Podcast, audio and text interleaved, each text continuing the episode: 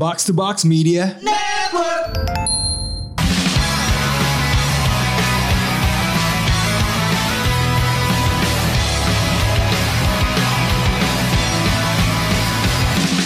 Konnichiwa Konbanwa. Konterus Selamat datang kembali di satu SKS segmen Lepas Otaku Box Podcast di Jepang Paling Fafi Fuas se Indonesia Paling Fa- gua Irlan Hadian. Dan ada gue Pikri Alamsyah di sini yang akan menemani kalian membicarakan hal-hal yang sebenarnya tidak penting.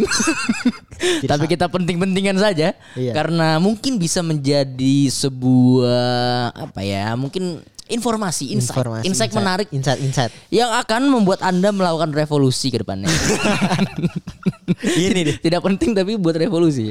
Ya Bung Irlan, hari ini seperti biasa saya akan melemparkan topik kepada Anda dan Anda yang harus elaborasi. Buset. Tapi saya emang seringnya ditanya ya. Iya, sekarang Anda yang harus saya sering tanya karena kalau gue lihat-lihat insight Anda tuh menarik karena membawa perspektif Cina yang jarang sekali diomongin orang di sini. ya kan Karena tertutup informasinya di sana. jadi anda yang bawa ke sini kan? Iya kan? Bagus sekali. Ini jadi eh, satu SKS ini sebenarnya sangat luar biasa loh. Membawa informasi A1 yang tidak dibawa, tidak dibuka oleh publik ya kan. Ya, coba mungkin kita bisa melihat lah siapa media-media yang ngomongin Cina secara spesifik. Mungkin aseng.id saja kan. Asing terakhir kalau apa penonton-penonton apa pendengar-pendengar otaku box mungkin dengerin asumsi justru. Oh iya, karena asumsi ya- ada segmen cakwan. Ada segmen Cakwan yang Cakwan. khusus eh, membahas Cina, Iya, percinaan dan dibawakan oleh senior Anda ya, Bung, di Iya. sana. Senior gua uh, Novi Basuki Iya. penulis gua saudat aja bukunya ada apa dengan Cina Bukan saya ada ada apa dengan Cina? ada ADC ADC. Emang ada apa dengan Cina, Bung? Eh, kalau Anda melihat sekarang ini. tiba-tiba ada apa Iya, emang ada apa? Emang ada apa? Emang ada apa di Cina nih? Coba. Sebelum kita masuk ke topik. nggak tahu ya kalau di Indonesia bahas banyakannya oh, pembahasannya banyak ada isu misalkan yang menarik apa? Yang menarik apa menurut Anda? Saat saat ini. yang menarik apa ya dari dari China ya kemarin Pak Jokowi ketemu Oh iya, Pak Jokowi lagi Lagi- presiden kita sedang safari. Iya, safari Safari ke negara Timur. Asia Timur. Ada apa ini? Apakah dia membahas tentang anime juga ke Jepang? itu yang kita harapkan Itu yang kita harapkan. Tapi ternyata hanya investasi, investasi, investasi, investasi, investasi terus. investasi terus ya kan anime nggak jadi jadi Iya investasi anime mungkin aja. Nah, itu, ya kan? berharap itu. Mm, Iya. Kita kan nggak tahu omongan-omongan di belakang layarnya mungkin aja Pak Jokowi Iya. dari anaknya ya kan eh, apa Kaisang sering nonton apa anime jadi Pak titipin lah Pak. iya Pak itulah Ini, Pak Indonesia bikin lah Indonesia gitu anime nih anime buat buat anime nih. Iya kayak Kimetsu no Iba kan ya kan kalau dibikinin ko- Gatot Kaca versi Kimetsu no Iba Wow, terbang-terbangan ya. Terbangannya flashy ya. Saatnya menggatot. Ada apa yang seru-seru di Cina Bung hari ini memang Bung? Ah hari kalau yang Anda jangan Anda jangan sosok ingin mele, apa, eh, melempar diskusi kita, jangan mengelak Anda. Ada apa di Cina yang rame-rame hari ini? Apa ya? Nggak tahu kalau misalkan lu bilang ap- spesifiknya mungkin gue bisa bahas. Oke, Misalkan spesifiknya. apa nih? Eh, yang spesifik apa deh? yang spesifiknya uh, tentang apa sentimen Hmm. keagamaan kan waktu itu kita tahu kan ada yang rame-rame tuh masalah uh, Uighur, Uighur, kan. ya. Terus gitu ada yang sentimen lagi masalah enggak kan sentimen sih misalkan dari sisi positifnya gitu kenapa China bisa maju gitu kan. Hmm, ya udah gue kasih hal yang Bahas-bahas spesifik deh. Gue kasih hal yang spesifik Iya deh. apa spesifiknya? Mm, gimana sekarang sistem ekonomi Cina apakah berjalan dengan lancar atau tidak? Sekarang? Iya, saat ini. Ekonomi China ya? Sistem ekonomi China. Boleh terakhir update sih yang itu ya, yang yang COVID itu. Hmm. Jadi eh, di mana semua negara itu lagi andok ekonominya minus kalau nggak salah Hmm. turun ya minus minus minus yang plus itu cuman tiga setahu gue Siapa? China Taiwan dan Vietnam waktu itu Oh. 2020 2020. Iya update nya Iya ya, Nomor satu itu ada Taiwan itu 3% gitu Plus 3% Hmm. Gue lupa China itu 2% 2, berapa Dan sisanya Vietnam eh, Vietnam Dan kalau lihat Dua negara tertutup itu Justru yang ekonominya naik kemarin Hmm, kemarin. Sekarang Iya. sekarang kita nggak tahu. Kalau sekarang mungkin anjlok.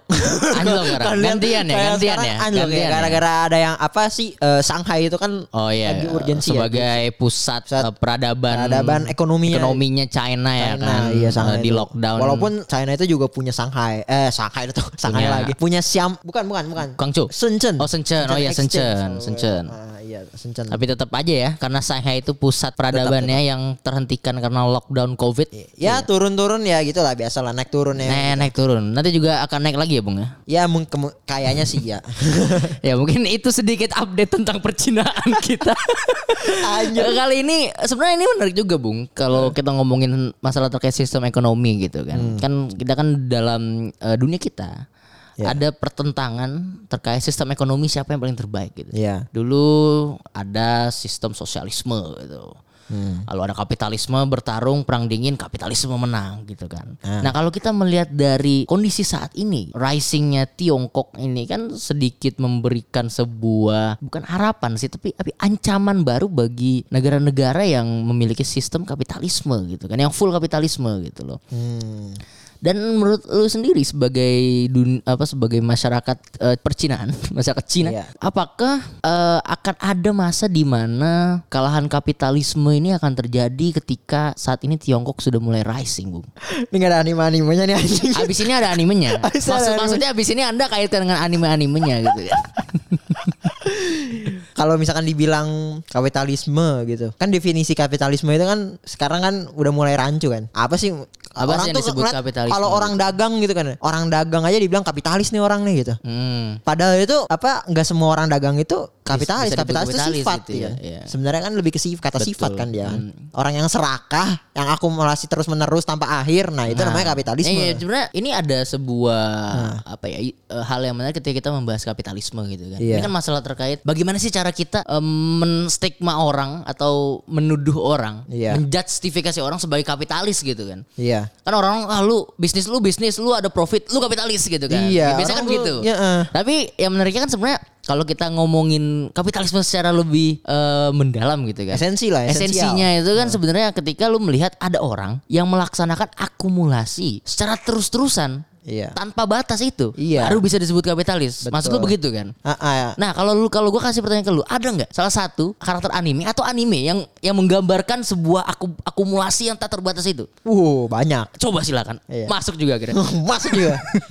Kalau kita ambil dari anime yang terkenal saja, langsung saja di One Piece. Wah, One Piece. Ada apa dengan One Piece lagi? Tahu kapitalisme bagaimana bekerja di arc Wano. Oh, dari Ya, Kaido nih ya. Dari Kaido, iya. Jadi lu kalau misalkan memperhatikan gitu kan ya, banyak sih. Kalau kalau lu mulai kapitalisme yang yang bentuk asli gitu, elit satu persen itu ya Tenryubuto. Dan Yubito ya. Tenryubuto. Dan Iya. Anda kalau mau lihat itu kan, bener-bener itu bukan akumulasi aja, Pak. Eksploitatif. Ya itulah Iya, sifat itu Iya, kapitalisme. itu. akumulasi, eksploitasi. Nah. Udah, pokoknya ada dua kata-kata Iya, itu. kekuasaan gitu kan mengelit kan? sudah pasti itu sudah pasti itu nah eh, kalau di artnya Kaido ini bagaimana kapitalisme itu bekerja eh, bagaimana Kaido ini memuaskan hasratnya itu eh, dan merusak eh, ekosistem yang ada di Wano gitu kan Hmm. dan kalau lu lihat eh, kenapa sih gitu ada kecenderungan orang tuh melakukan seperti itu ya memang kalau lu eh, pelajari gitu kan apa eh, kerakusan itu adalah sifat bawaan gitu kan Iya. Ya kan udah sebanget, ya udah sering banget ini kita bahas gitu kan ya. Kenapa Hmm. manusia merusak kenapa gitu. Dan akumulasi itu sebenarnya tuh kalau menurut akademisi akademisi itu ya wajar nggak apa-apa sifat kapitalisme itu akumulasi tapi kontrolnya itu adalah negara gitu Hmm. Wah. negara yang harus malakin tuh duit biar distribusi biar beredar Hmm. itu yang paling penting jadi kalau gue punya keyakinan gitu uang itu ya ditabung tapi lu harus tahu esensi uang itu sebenarnya adalah beredar Hmm. distribusi jadi lu nggak bisa lu menahan terus menerus gitu kan Iya. uang uang ditumpuk gitu dan eh, di sekitar lu kesusahan gitu. Hmm. Heeh. Ya lu mesti mendistribusikan gitu. Ya makanya di di konsep-konsep agama itu kan ada amal, ada, Ada zakat. zakat ya kan. Ya itu sebenarnya uh, upaya-upaya aja untuk Hmm. uh, menerangkan kita bahwa distribusi itu penting loh gitu. Distribusi uh, sumber daya. Nah Hmm. Iya. itu yang penting. Tapi menariknya adalah ketika lu mengatakan bahwa eh, uang itu harus beredar Hmm. supaya tidak ter apa namanya terkumpul di satu wadah gitu Iya. kan yang akhirnya malah jadinya ketika uang itu berada di satu eh, satu tempat malah dikumpulkan nggak ada distribusi akhirnya yang kaya tuh dia-dia aja gitu kan. Hmm. Iya. Dan lu mengatakan tadi alternatifnya adalah bukan alternatif sih. Ini udah dilakukan ya sebenarnya. Dilakukan.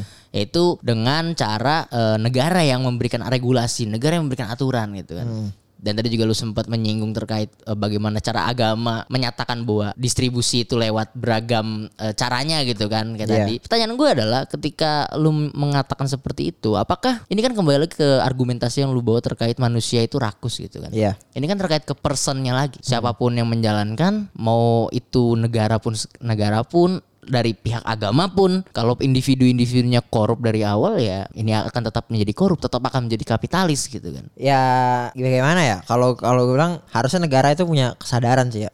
Hmm. Dan kayak kalau lihat di One Piece asik. Iya. One Piece bagaimana pemerintah dunia itu adalah posisinya sebagai eh, bentuk eh, yang menstabilkan gitu ya. Jadi itu sebenarnya itu baik kan. Kalau Hmm. kalau lu lihat terbentuknya world government ini regulasinya tuh jelas gitu dunia. Jadi apa raja-raja raja itu kan lu taunya mereka tuh angkuh atau Hmm. gimana gitu. Eh, world government ini tugasnya adalah eh, mencairkan lah ibaratnya gitu kan. Iya. Jadi biar tuh raja tuh dikontrol, bukan dikontrol sih, diingetin lah gitu. Lu jangan kayak gitu gitu kan. Yap. Jadi ya. Tapi yang lu bilang, bagaimana kalau contohnya pemerintahnya yang korup? Nah, ada juga di One Piece itu Iya. tergambarkan. Bagaimana pemerintah dunia malah dikontrol oleh elit dan gitu. Oleh satu persen. Satu persen. Jadi kan Itu dia. sebenarnya kan yang jadi permasalahannya adalah kita ini eh, harus memiliki sikap skeptisme gitu. Iya. Hmm. Dan yang gue melihat bajak laut bajak laut di One Piece itu paham dan mereka tahu gitu terkait Terus- iya, iya.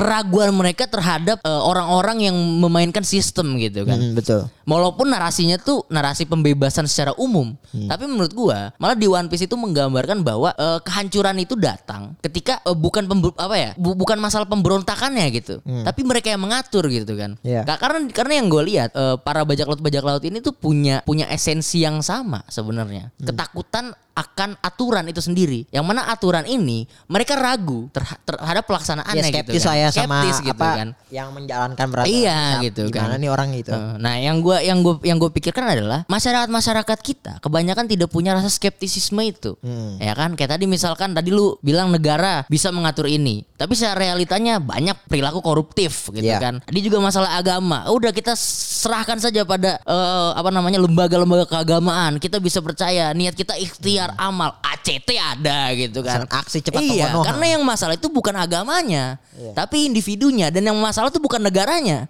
tapi siapa yang menjalankan negaranya Iya, sebenarnya. Selalu kan? masalah dari individunya memang, Mm-mm. memang, memang. Iya. Ah, elaborasi lagi di One Piece itu menarik sekali coba. Ya, memang apa kalau da- dari individunya selalu itu yang kita waspadai sebenarnya kan. Mm-mm, bener, Dan emang sulit begini ya. Lu kalau melakukan sebuah hubungan sosial tanpa kepercayaan itu sulit sebenarnya, Pak. benar.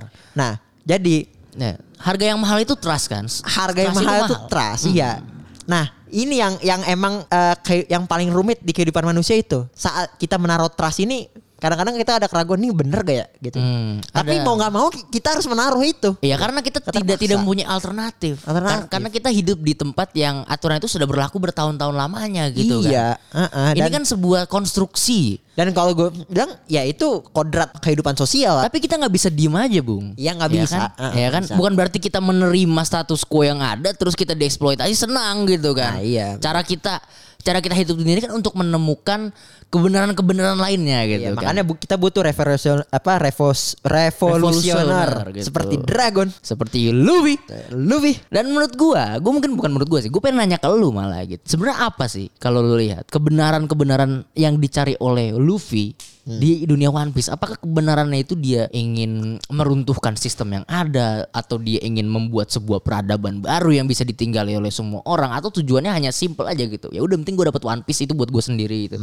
Kebenaran apa sih yang dia cari gitu? Kalau menurut gua One Piece kalau masalah kebenaran itu susah ya untuk untuk untuk dijelaskan secara eh, eksplisit. Ini yang- yang benar tuh ini loh gitu. Tapi yang gua lihat dari One Piece itu lu sosok Luffy itu adalah simbol kalau gue lihat. Simbol. Ini adalah bentuk simbol gimana antitesis dari pemerintahan yang korup gitu kan. Mm. Biar rakyat itu ikut skeptis aja gitu. Ah, itu iya, iya, iya, apa iya. eh, kemantik aja Luffy Iya, gitu. iya. Eh, Biar nih mm. rakyat tuh begini loh Iya. cara ngelawan apa hal-hal yang Iya. enggak yang lu ini nggak tahu ini di tuh sebenarnya gue layar gitu. terpikir tentang bagaimana kisah-kisah ini loh apa ketika zaman Renaissance dulu terjadi gitu kan. Oke. Eh, terkait dulu tuh ya mungkin dulu era Marxisme itu lahir dari Karl Marx ya kan. Maksudnya dulu manusia-manusia ini yang terkukung pada sebuah sistem yang absolut gitu kan. Mereka itu terpaku dan nggak mau menggerakkan diri atas dasar kepercayaan mereka gitu kan. Atas dasar ya ini udah di- ini inilah sebuah nasib yang harus diterima oleh kami. Oke. Ya kan? Jadi artinya udah kita menjalankan saja, kita pasrah saja. Tapi ketika masuk sebuah apa di Renaissance itu eh, masuklah eh, Ilmu akademisi-akademisi yang dengan menyebarkan ilmu pengetahuannya bahwa ya sebenarnya kita ini nggak seperti ini harusnya. Kita ini ada sebuah jalan di mana kita bisa mengubah sebuah tatanan gitu kan.